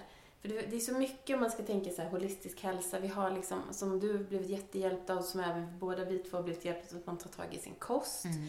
Man, tar, man yogar, man mediterar, man tar tag i det inre och sen så, sen har vi ju ändå, och sen har vi också relationer och det här med att ha ett community. Mm. Kan du berätta lite om det också? Hur du tänker kring relationer och vikten av community? Mm. Alltså det är ju jätte, jätteviktigt. Mm. I början av min bok så beskriver jag lite kort om hur vi funkar som, men som varelser, som människor. Mm. Alltså vi är ju extremt drivna av att vi är alltså flockdjur. Vi behöver samhörighet, vi behöver känslan av trygghet som vi finner i gemenskap och inkluderande. Eh, och det driver oss oftast i eh, väldigt många saker. I, även när vi kanske inte är medvetna om det. Mm. Till exempel att vi vill ha den där snygga tröjan för att den anses vara fin, för vi vill tillhöra, för vi vill inte bli utstötta ur flocken. Det sitter ju jättedjupt Mm. inprintat i vårt DNA. Ehm, så när jag försöker lyfta det här med att vi faktiskt lägger lite vikt på ehm, samhörigheten och, och värdet i samhörighet, så försöker jag få människor att kanske då börja rannsaka lite, vad har jag för relationer? Mm. Hur ser de ut för mig? Hur får de mig att må? Vad har de för betydelse? Eh, och det händer ganska mycket då. För ibland är vi så himla insnöade på att den här relationen har hängt med så länge, det finns ett romantiskt skimmer över att vi har varit kompisar hur länge som helst. Men vad ger det dig då? Mm. Vad tillför det dig och ditt liv? Bara genom att skapa medvetenhet även där så kan man också bryta sig loss i vissa fall. Man kan utveckla relationer och man kan få en förståelse för vart jag vill lägga min kraft och min energi på och min tid. Ehm, så det är så viktigt. Det som jag skriver, det, det handlar inte om att vi inte känner tillräckligt många människor idag, för vi känner ju m- massor av människor. Det handlar om att vi, vi är lite vilsna bara, tror jag. Mm. I eh, hur vi ska liksom förhålla oss till de relationer vi har Mm. och också förståelsen för vad jag behöver i en relation. Att gå ut som vuxen och söka nya vänner, det kan ju vara jätteskrämmande. Men oftast kan det vara det vi behöver göra för att vi har vuxit ifrån kanske gamla relationer som har hängt med. Eller så känner vi att vi behöver någonting som inte finns i mitt liv idag. Mm. Eller så behöver vi helt enkelt jobba på den- de relationer vi har och kanske ta det till nästa steg. För jag har alltid upplevt att jag liksom har, jag älskar ju och, typ, eller liksom älskar att träffa nya vänner och lära känna och ha, få nya vänner. Liksom, he- jag har alltid gjort det. Eh, men sen har jag också förstått att det är ganska många som inte faktiskt skaffar nya vänner i vuxen ålder. De tycker bara, men nej, men nu har jag ju, de träffar man ju i skolan, liksom, de vännerna man har och sen, sen är det bra. Men det är ju verkligen ett tips till alla. Bara, Herregud, vi utvecklas ju hela tiden. Det är klart att vi, det är liksom, att träffa nya människor, skapa nya vänskaper, det ger ju så mycket till ens liv. Och det är som du säger, att alla människor hänger ju, alltså Ibland så behöver man också gå skilda vägar för att vi inte, vi inte, Ja, men också, vi ger kanske inte och något inte till varandra se det längre. som ett misslyckande. För jag tror Nej, att det är så precis. lätt att se att så här, men gud, vi är inte kompisar längre och då var det liksom fail på den Mm. relationen. Typ. Medan man istället försöker se det som att så här, man dyker upp i varandras liv under vissa tillfällen Mm. och där man behövs för varandra och tillför någonting. Och sen kanske man glider ut igen och sen Mm. kanske man kommer tillbaka ett 20 år senare och det vet vi inte. Nej. Precis som egentligen med alla, alla relationer. Att vi är så otroligt duktiga på att sätta etiketter på allting och att Ja. liksom säga såhär, okej, jaha, då var det slut här liksom, så ska inte vi höras mer. Ungefär. Ehm, och vilken typ av relation var det här vi skulle ha?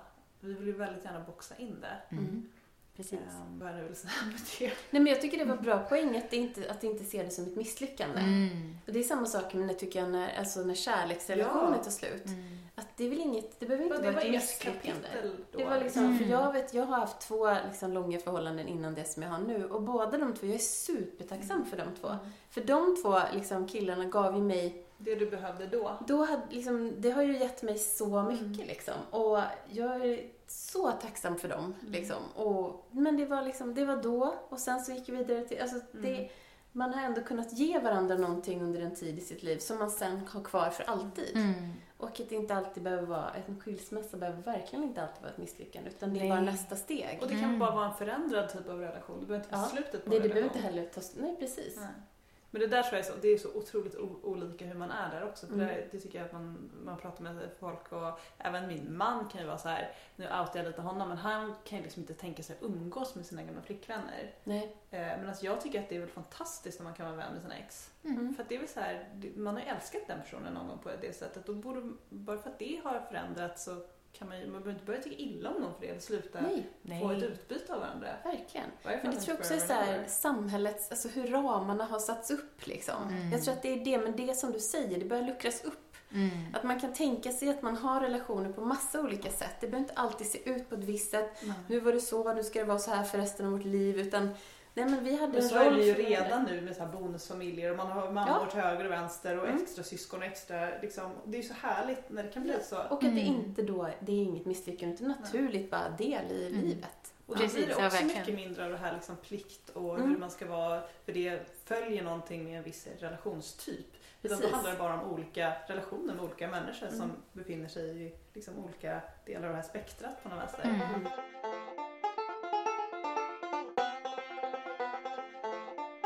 Både du och jag har liksom kommit i kontakt med, så här, med just be- betydelsen av sex och sexuell njutning och den sexuella energin Mm. för ens hälsa. Mm. Och för inre välmående och för och jag menar, och yogan pratar vi mycket om den sexuella energin som en kreativ kraft också, inte bara för njutning utan det är liksom för Det är inte bara så någonting the för... icing on the cake utan det är Nej, någonting vi liksom behöver Det är något ha. som Mm, liksom, vi kan använda på massa olika sätt. Mm. Och det tycker jag var så underbart att du tog upp det i din bok, just det här med vikten av att faktiskt ha också en relation till sin egen kropp och lära känna sin kropp och bara få känna njutning. Liksom. Mm.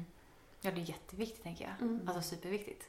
Hur, kom det sig, du, hur kom du på det? Eller liksom, hur kom du på att det var en så viktig del? Eh, det var nog att jag själv upptäckte, tror jag faktiskt. Mm. Jag insåg att jag var fast även där i gamla, Mm.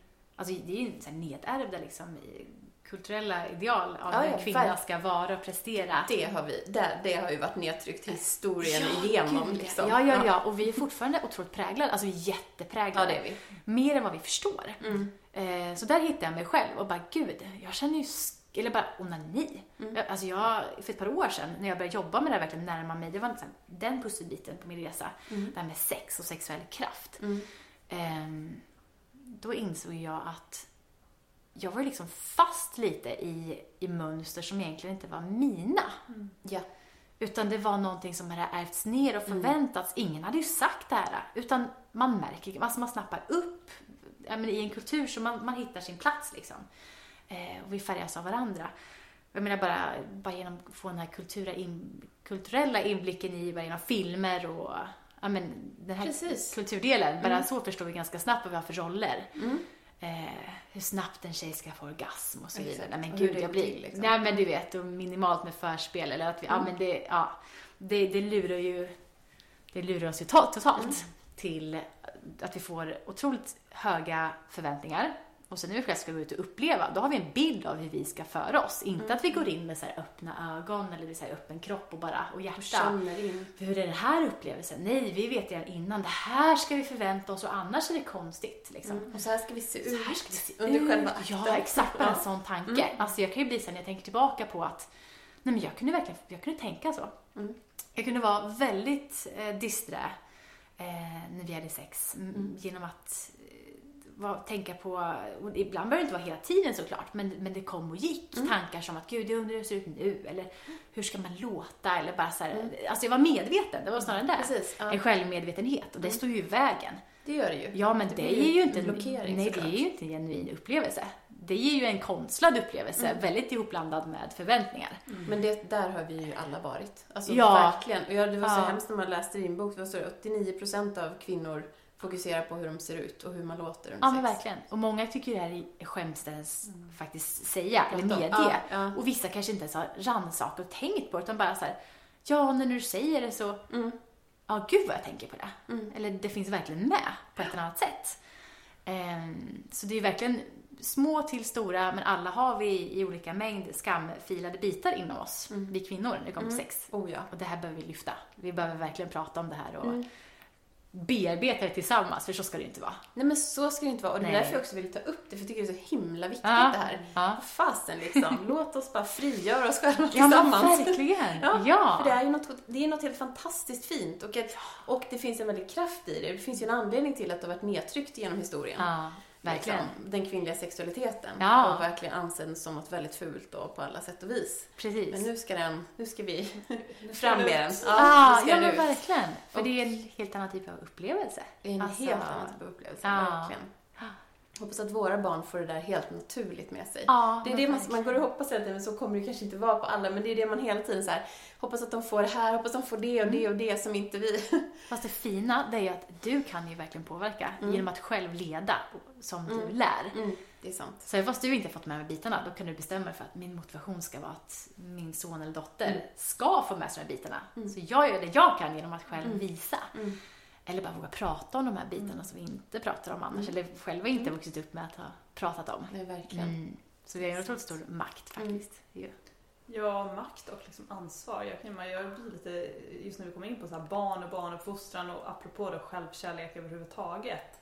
Att gud, hur skapar man liksom bättre förutsättningar än vad kanske vi fick? Alltså alla föräldrar gör sitt bästa, men Mm. hur kan vi göra bättre än vad våra föräldrar gjorde för att skapa liksom individer som är så här, säkra i sin självkärlek på ett Mm. annat sätt? Än vad, som inte ska behöva kämpa så mycket med alla saker som man själv har gått igenom. Fast hur gör man liksom? Mm. Hur gamla är dina barn? Eh, som dina, tre Ja. och fem. Tre och fem. Mm. Hur jobbar du med det? Eh, ja, alltså det här, jag älskar det här ämnet. Jag tycker Mm. det är så fascinerande. För det första, så bara för att man själv tycker att det är intressant och gärna har åsikter om det så betyder det inte att jag är expert. Alltså verkligen inte. Inte någon perfekt förälder överhuvudtaget. Men det jag själv har kommit att förstå och som jag själv tror väldigt starkt på, eh, det är att ja, olika saker egentligen, men dels när det kommer till att kanske värdera sig, eller få dem att vär- värdera sig som person och inte utifrån sin prestation.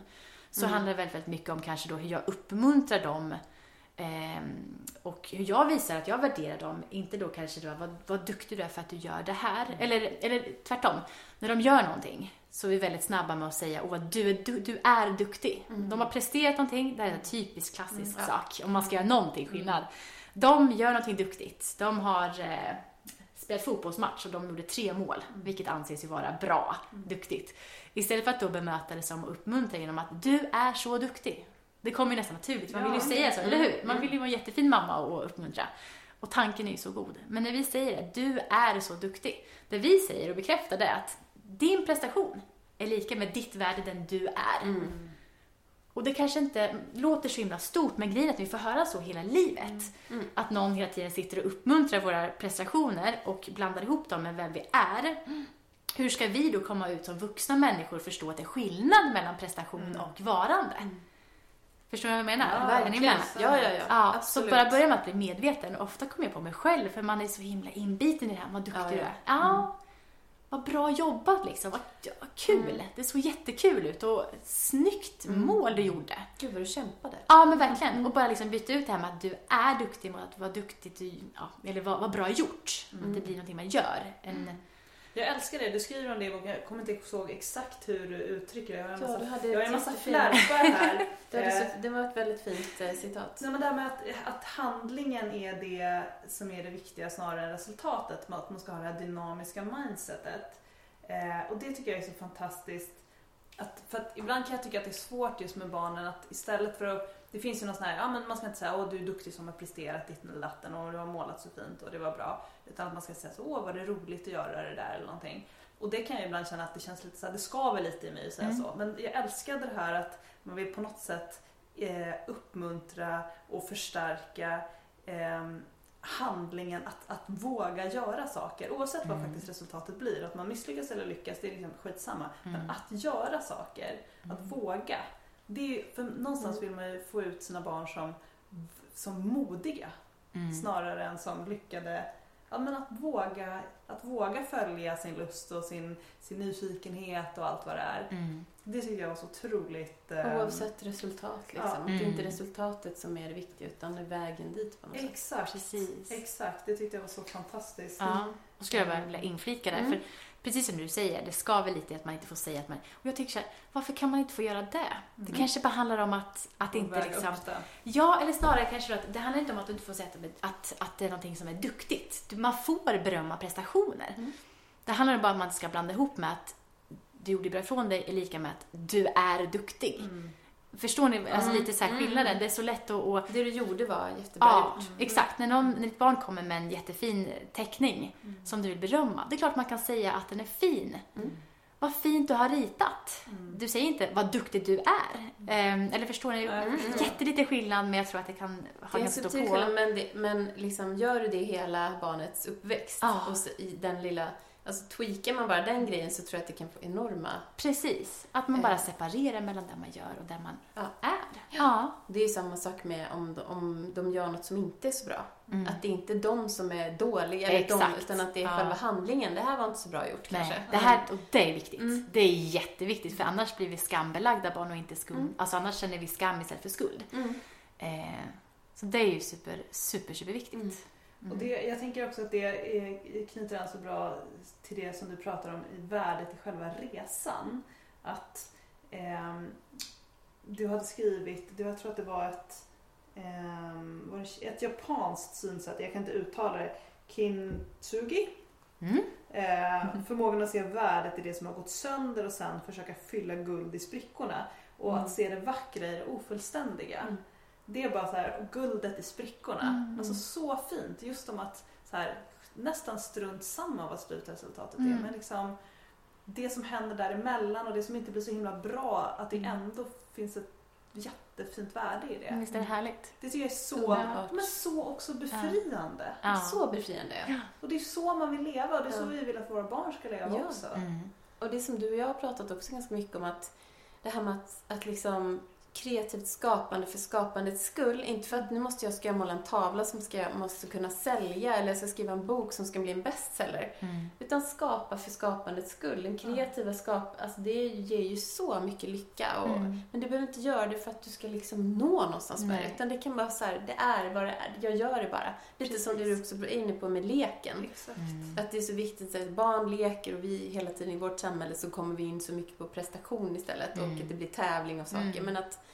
lek för sjutton. Men att leken ska liksom nödvändigtvis leda till någonting. Nej, liksom. Det behöver Nej. inte göra. Nej. Man kan liksom se värdet i det. Att ha kul just att nu. Att bara ha kul just nu. Ja. Och även som vuxna. Alltså, mm. Skulle inte världen bli så otroligt mycket roligare och bättre om alla lekte lite mer? Vi lekte lite Ja, mer. men verkligen. Eller bara lära sig att man kan ta det lugnt. För att ja. Många har ju svårt att ta det lugnt för att vad ger det?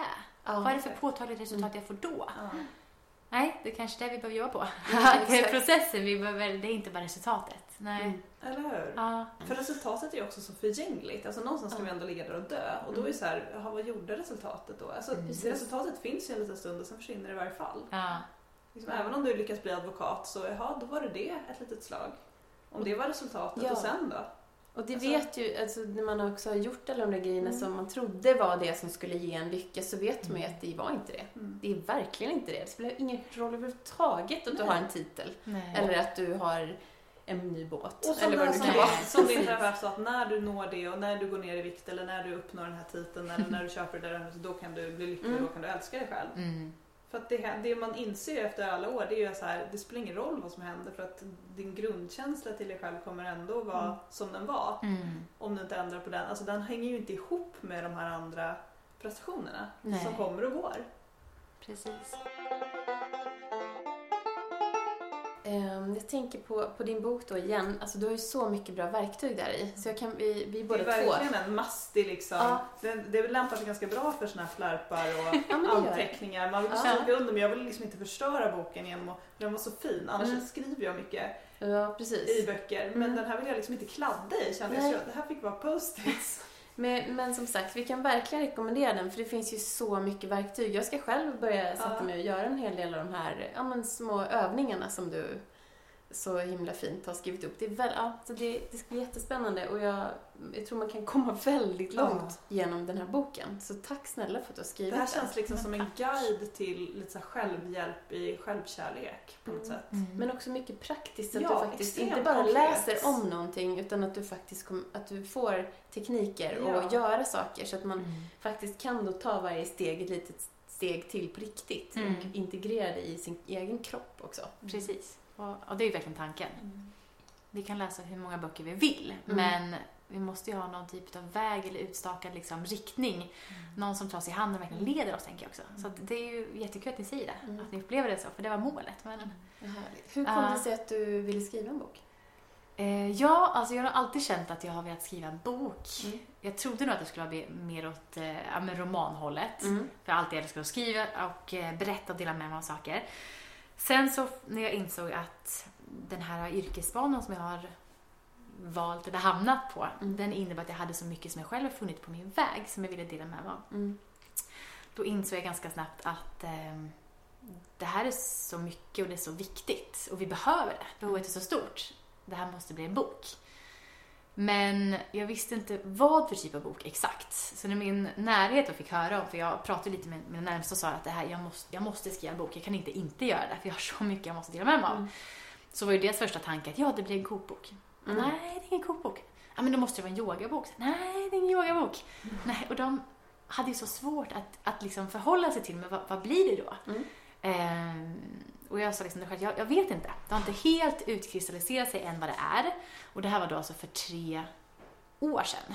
Det är så kul, ni intervjuade ju Sanna och Sara. Mm. Ja, och de är också från Norrköping. Mm. Ja, så jag minns att jag träffade Sanna och vi fikade för tre år sedan och hon berättade att hon hade börjat på, de hade börjat skriva, eller planer på att skriva en bok. Mm. Och, och jag, jag också sa det att jag, att eh, jag är precis den, ja, i den processen. Eh, men också en hälsobok, men jag kan inte sätta fingret på exakt vad kärnan kommer vara. Eh, jag hade så mycket, ja, men som ni märker, det är, mm. det är många delar, det är många områden men ändå så knyter det ihop. Jag visste ja, inte bara vad den röda tråden var. Mm. Och sen så vaknade jag upp på Bali förra året i februari. Mm. Klockan var tre på natten och jag bara visste direkt, nu, nu sitter alla delar. Det här är mm. liksom, strukturen var liksom klar i mitt huvud. Så jag satte mig där, gick upp klockan tre, jag och min dotter, hon vaknade väldigt tidigt. Eh, så vi gick upp och jag satte mig och började, började skriva de här liksom kapitelrubrikerna. Eh, och sen så skickade jag in det ett par timmar senare till förlag och så tänkte jag att nu börjar en långa väntan. Eh, så det kommer ta kanske 6-7 månader om jag ens har tur att få svar. Och det tog ett par timmar och sen började flera faktiskt förlag att svara. Oh wow! Mm. Snacka om att det var någon divine download ja. som kom till dig där. Precis. Så men to be. Ja men det var, ja. det var dags liksom. Mm. Vi behöver prata om det här på riktigt. Ja. Och jag är så trött på det här att, att och det var jag då också förr också, jag har ju vuxit upp med, ändå med en, en eh, tanke om att jag vet att det är bra att älska sig själv. Jag vet att vi ska försöka se oss själva som vår bästa vän.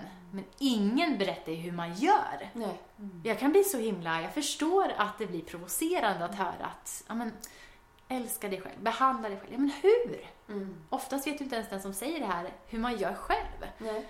Vi vet bara att det är bra. Mm. Så att när jag då insåg att det här är röda tråden, det är ju, det är ju kärnan till allt. Och det är mm. där boken faktiskt ska handla om. Mm. Då öppnas ju vägen, alltså dörrarna öppnas ju upp en efter en. Mm. Så ja, då följer Kina ganska naturligt. Gud vad coolt att du också fick så, sån extremt snabb respons. Det var liksom inte någon ja. tvekan om att så här, ja men undrar om någon kommer vilja ge ut det här. Utan du hann liksom aldrig få den känslan nästan ju. Jag kan ju säga att min bok som jag har skrivit, ni som följt podden vet, eh, jag har skickat, jag har inte hunnit tillskriva så många förlagen men alltså jag kan säga inget sånt eh, tre timmars svar. Det kommer komma. jag, jag, men jag tror att det är väldigt så här, det är nog inte, jag tänkte verkligen sex månader minst. Jag var ju såhär, okej, okay, nu måste jag ha is i magen, annars skriver jag själv liksom. Mm. sen höll ju corona på att komma emellan då, då mm. såklart. Mm. Men även där, så de här, jag fick två möten redan samma dag och de, efter en vecka så kom ju corona i all sin liksom, ah, just det, det var, mm. sitt kaos och ställde in. Eh, och då var det så här, nej men bokbranschen ser inte bra ut, vi måste stoppa allt. Mm.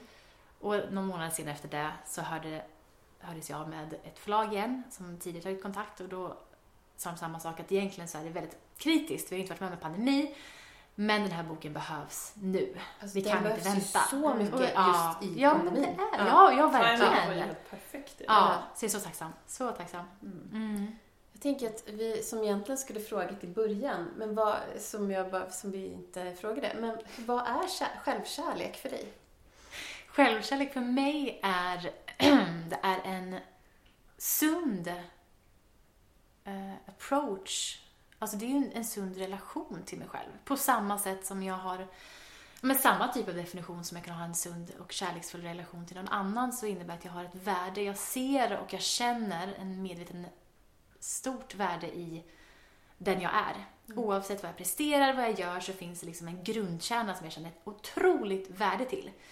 Eh, och det tar sig form i att jag behandlar mig själv. Jag tänker bra tankar om mig själv jag säger bra saker till mig själv, men jag, jag förhåller mig till mig själv väldigt kärleksfullt helt enkelt. Med respekt, med värme, med vördnad. Eh, Ja, så mm. egentligen på samma sätt som vi har en, en kärleksrelation till någon annan. Mm. Fast den riktar till oss själva. och det är egentligen är det så självklart men ändå är det så himla svårt. Mm. För att vi inte får lära oss. Ja. Vi får inte allt, vi, allt vi gör idag är ju inlärt. Mm. Eh, och vi vet hur vi ska schyssta mot andra.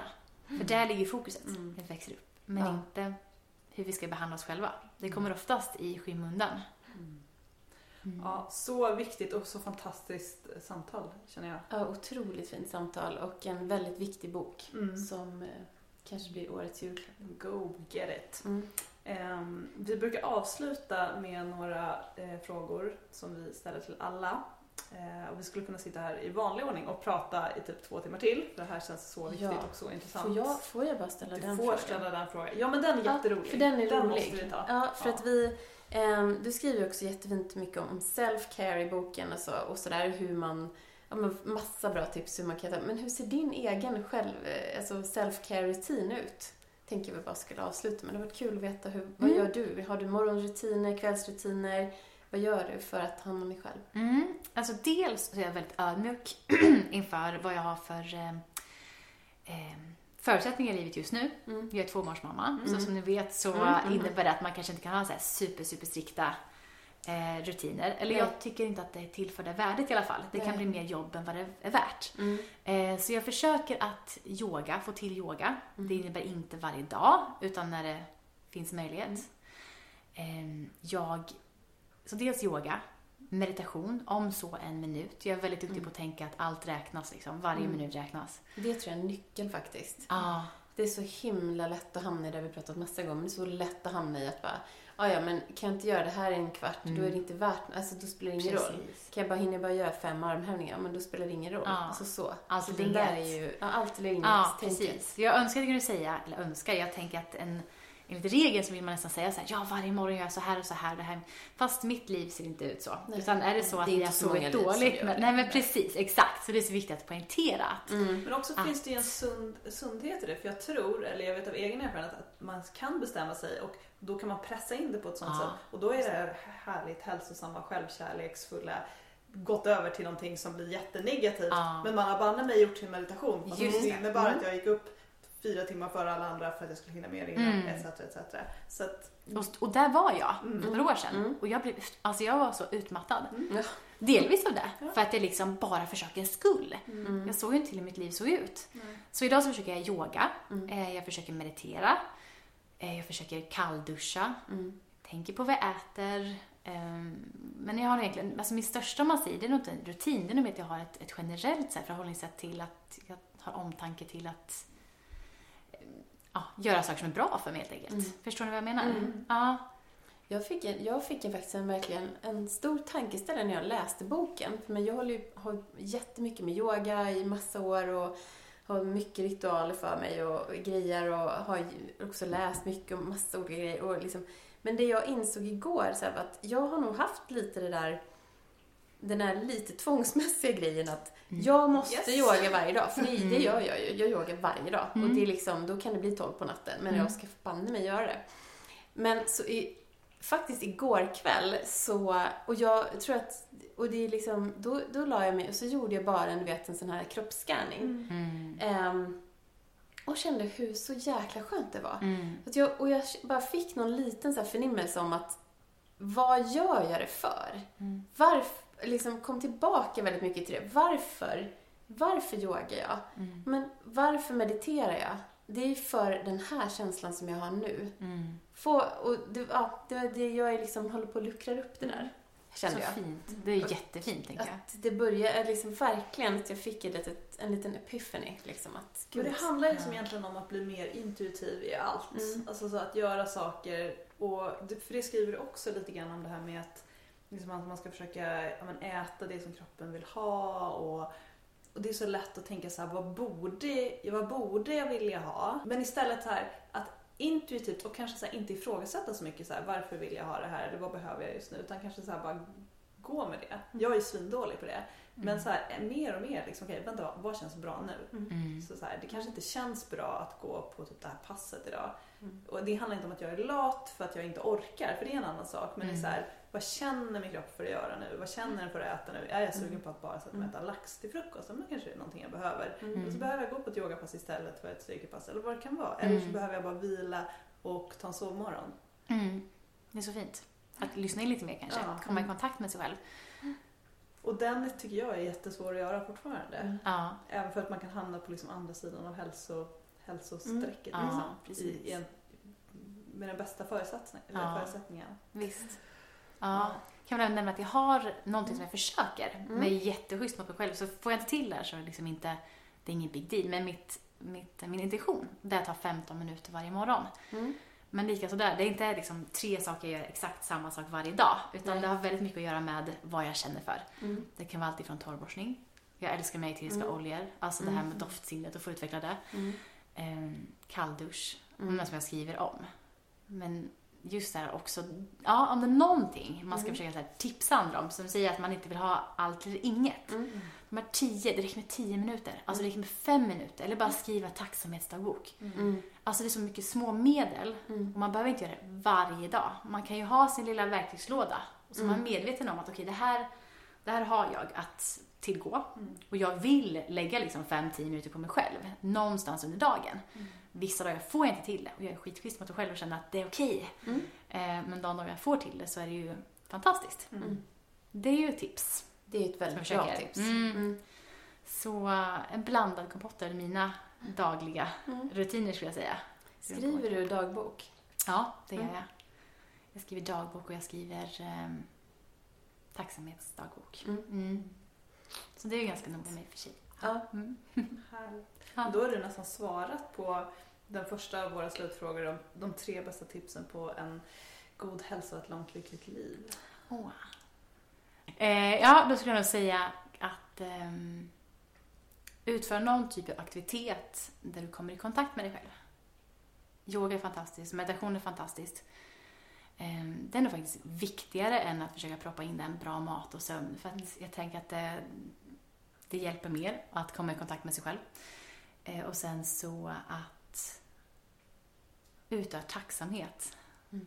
toppar också min lista. Mm. Alltså verkligen att Mm. aktivt börja utöva tacksamhet eh, som en, en aktivitet som finns med. Det är Mm. så himla viktigt. Mm. Eh, så att försöka komma i kontakt med sig själv och att ehm, utöva tacksamhet, det är, nog, det är nog mina främsta tips faktiskt, Ja. tror jag. Tack. Sen brukar man lösa sig. Ja, Ja, tack själv. exakt. Jättefint. Eh, vi, jag tycker också att det är intressant med förebilder. Har du någon förebild som har betytt mycket för dig i ditt liv och i det du gör nu? Absolut. Mm. Gud ja. Eh, oftast kanske de inte finns här i Sverige, men man kan ju kolla upp dem ändå, tänker jag. Mm. Jolene Mansa Mhm. tycker jag är fantastisk. Jag älskar, ja, Björn Natthik och Lindeblad, allas Ja, våra ja. underbara favorit. Mm. Eh, jag tycker han är fantastisk. Mm. Ehm, mer som har varit starkt just nu? Ja, oftast brukar det så variera beroende på vart jag själv är i livet och Mm. på min resa. Men Jolene Mansa är nog, ja, och Björn. Och sen bara slut, slut, slutfrågan. Det är så att vi tycker det är så viktigt att få sprida den här typen av budskap som du nu kommer med och vi är så tacksamma över alltså allt som du har delat här idag. Det kommer ju ge många så mycket. Så vi undrar nu, vad kan vi göra för dig? Vad kan vi och våra lyssnare göra för dig? Åh, vilken fin fråga! Gud, vilken fin fråga. Um, vad, de kan göra för, vad, vad ni kan göra för mig? alltså egentligen så sprid den här boken, tänker jag, till så många Mm. som möjligt. För jag tror att det kan ge dem så himla mycket. Och börja i den ändan. Mm. Ja, Absolut, Ja. det ska vi göra. vilken fin fråga. Ja. Tack så hemskt mycket Louise. Ja, men, Super, super tack. Ett underbart Så samtal. Vi är så tacksamma för att du körde hela vägen hit och att Ja. du är här hos oss och har varit delat den här stunden med oss. Tack så jättemycket. tack snälla, det var jättekul. Tack för att du inspirerar så fantastiskt vackert. Ja, tack. Tack. Tack Och eh, vi kan väl bara avsluta också bara, om man vill följa dig på Instagram. Vad Ja. heter du då? Då heter jag louisestromberg.se. Just det. Ja. Gå in och, Och köpa boken Ja. kan man göra var... Ja, där böcker Där böcker finns. Ja, Mm. ja precis. Perfekt. Mm. Underbart. Tack så jättemycket. Tack snälla, tack för att fick komma.